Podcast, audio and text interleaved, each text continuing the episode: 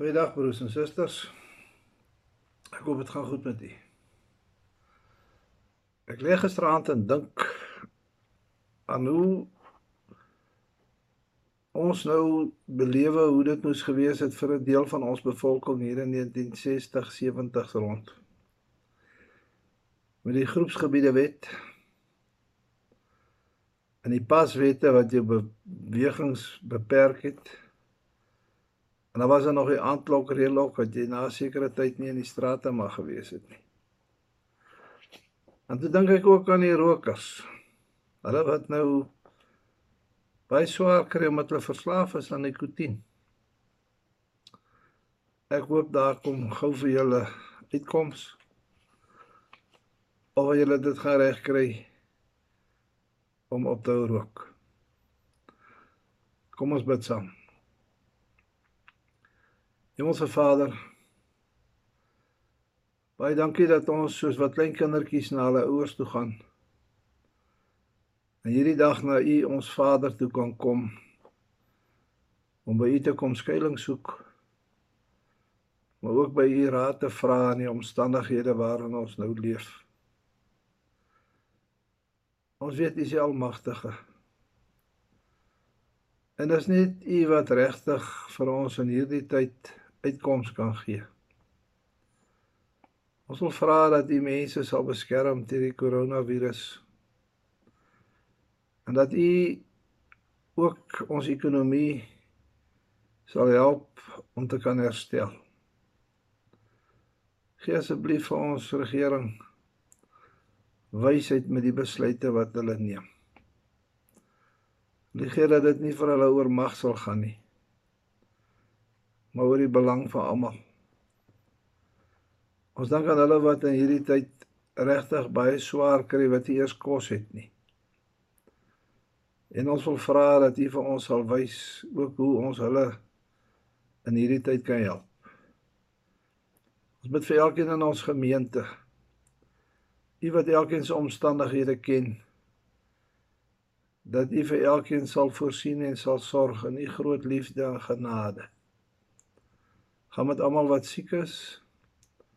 Elkeen wat benoud en bekommerd is. Maak hulle bewus van u teenwoordigheid by hulle. Heilige Gees praat vandag met ons deur u woord. Gee dat dit ons sal versterk. En ons vra dit in die naam van Jesus Christus die Here. Amen.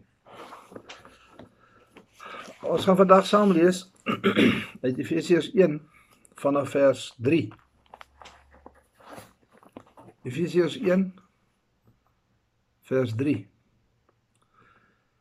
Aan God die Vader van ons Here Jesus Christus kom al die lof toe. Hy het ons in Christus geseën met al die seënings van die Gees wat daar in die hemel is.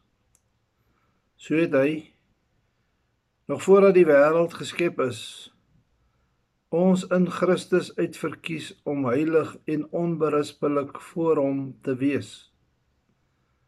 In sy liefde het hy ons volgens sy genadige beskikking toe ook al daarvoor bestem om deur Jesus Christus sy kinders te wees.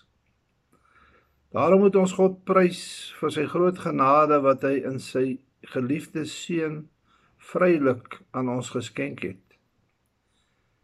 Deur die bloed van sy seun is ons verlos en is ons oortredinge vergewe kragtens die ryke genade van God wat hy in al sy wysheid en insig so oorvloedig aan ons geskenk het.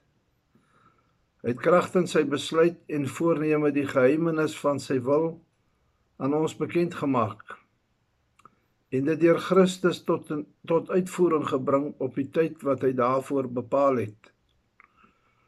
Sy bedoeling was om alles wat in die hemel en alles wat op die aarde is onder een hoof te verenig, naamlik onder Christus.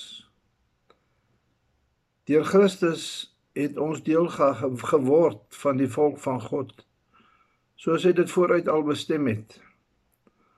So het hy hom dit voorgenem. Hy wat alles laat gebeur volgens sy raadsbesluit. Daarom moet ons die eerstes wat ons hoop op Christus gestel het, die grootheid van God prys. Deur Christus het ons ook deel geword van die volk van God. Toe julle die waarheid wat aan julle verkondig is, die evangelie van julle verlossing gehoor en tot geloof gekom het. In Christus het die Heilige Gees wat deur God beloof is, julle as die eiendom van God beseël. Die Heilige Gees is die waarborg dat ons ook verder sal ontvang wat God beloof het wanneer hy almal wat aan hom behoort volkome sal verlos. Daarom moet ons sy grootheid prys. In vers 3 tot 14 begin Paulus met 'n loflied teenoor God en hy loof God oor al die seënings wat ons in Christus ontvang het. Ek wil vanmôre begin deur te verwys na 'n brief wat ons jare gelede van Dominee Pierre Loum ontvang het toe hy nog sendeling in Lesotho was. Dit was een van verskeie van verskeie briewe. Maar ek wil graag na die brief verwys omdat dit ons gevoel verwoord in die omstandighede wat ons nou ervaar.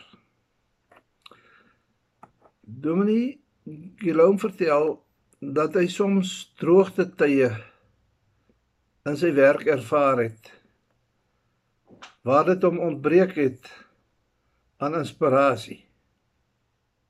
Hy sê met die werk in Moalishoek ervaar ons ook elke dag die Here se genade wat genoeg is vir ons om te kan aangaan. Ek het al baie keer gesê as ek nie geweet het dis waar die Here wil hê ek moet wees nie. So ek lankal tou opgegooi het. Hy sê ek het soveel drome en ideale gehad.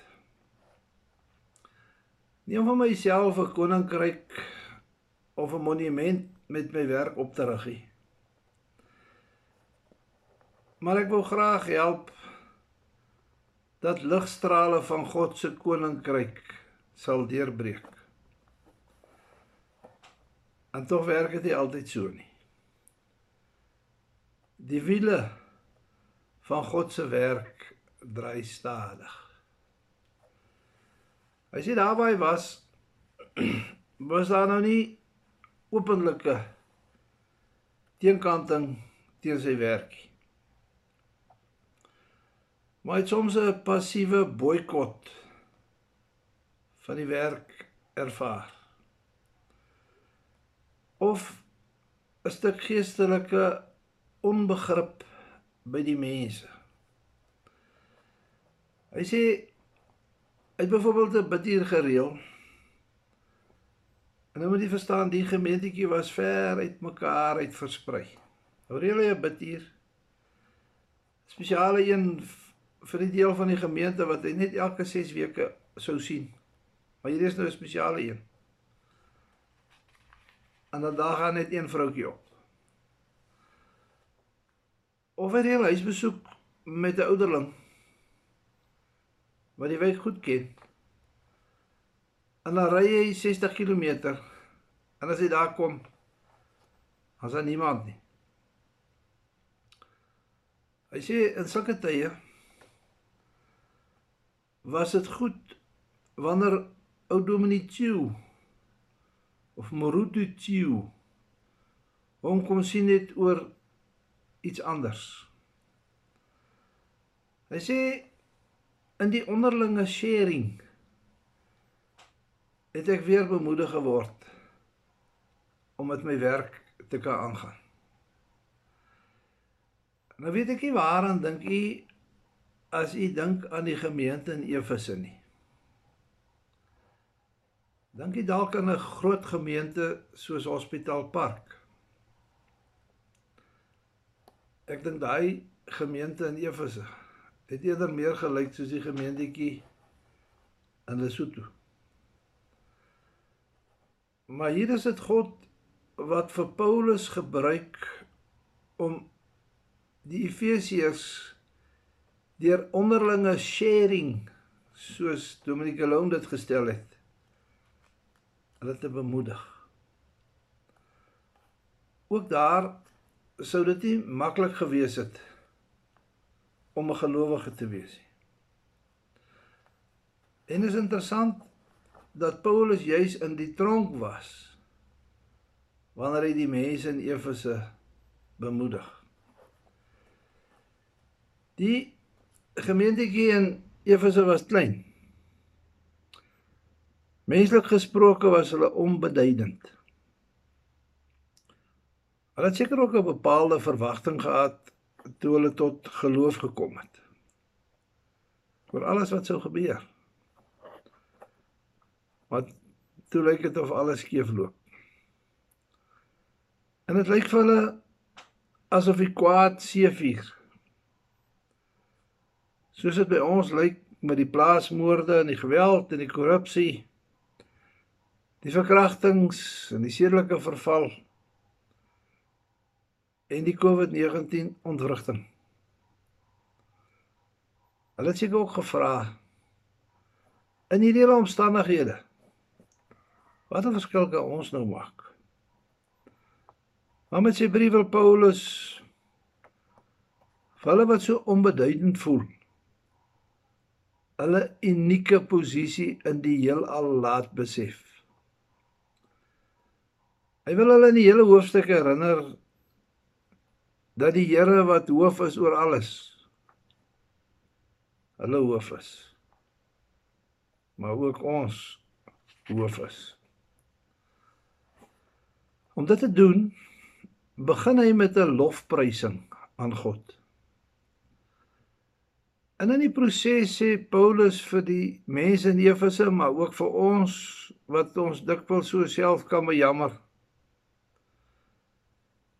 sien weer 'n slag raak. Hoe goed God vir jou is. Hoe goed is God regtig?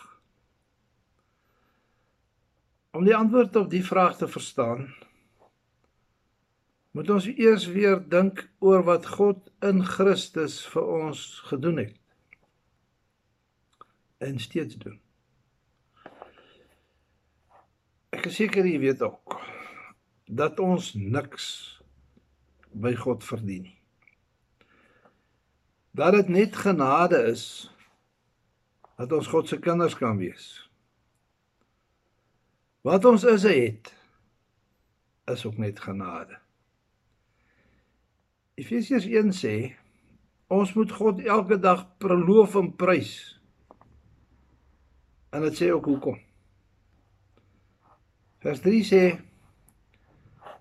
God het aan sy kinders in Christus hemelse vreugde en vrede gegee.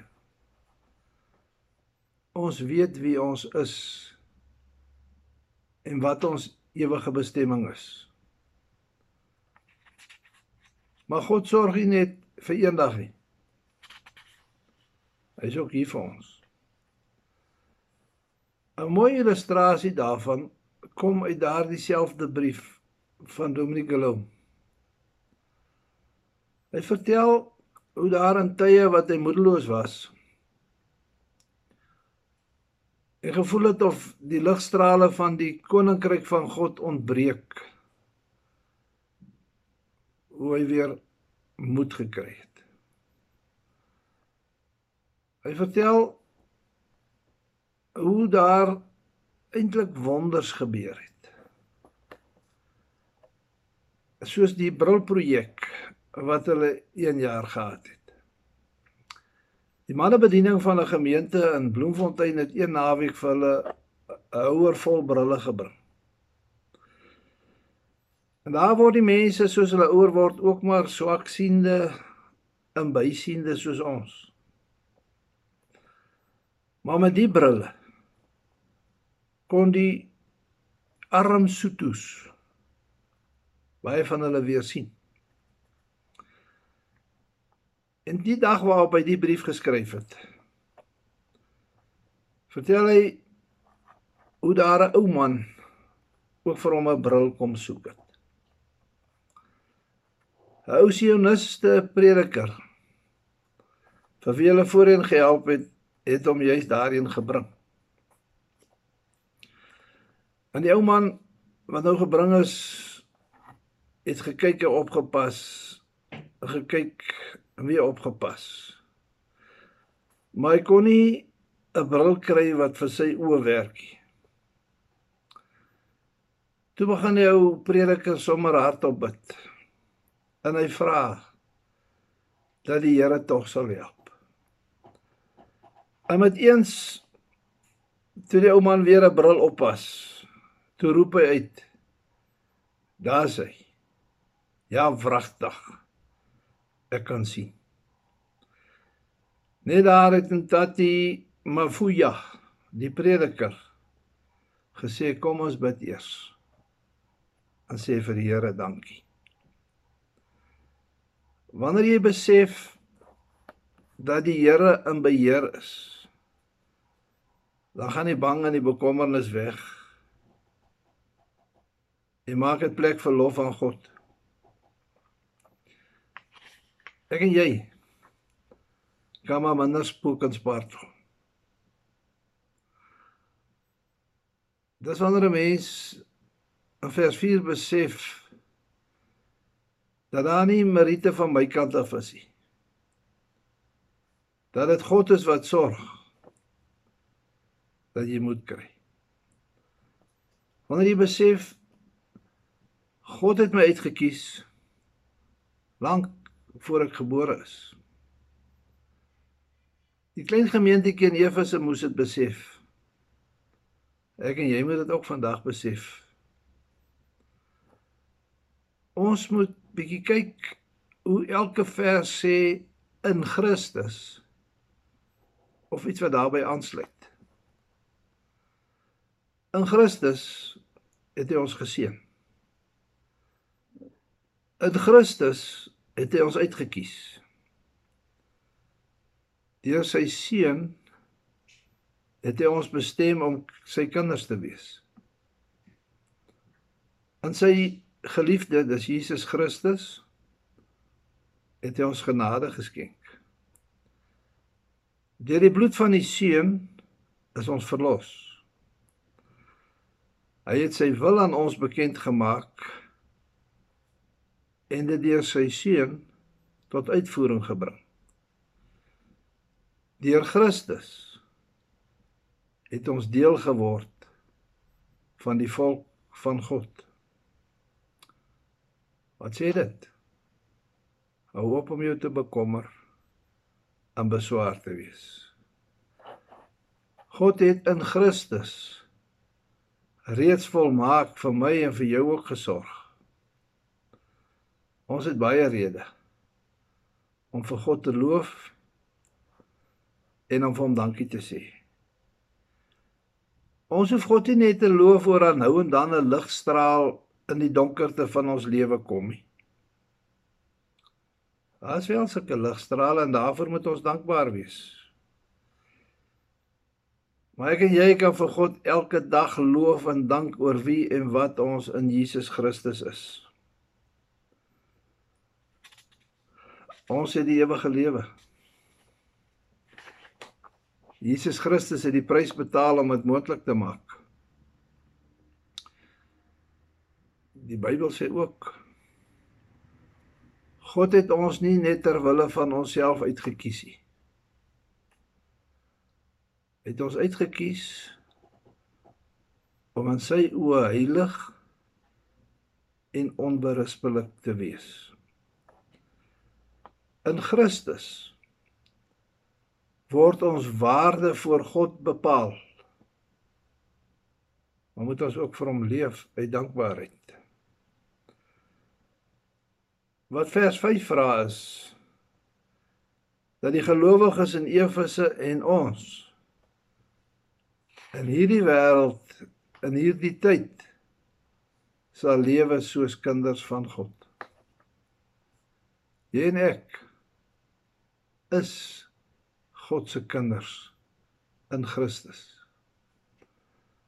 En wat wil mens nou meer wees as dit?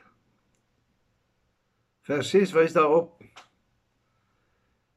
dat God nie voorwaardes gestel het voordat hy sy seun gestuur het om vir ons sonde te betaal nie. Alles is net genade. Vers 7 vertel hoe God te werk gegaan het. Sonde het gemaak dat geen mens voor God sou kon verskyn sonder om te sterf nie. Iemand moes vir die skuld betaal. Net een kon.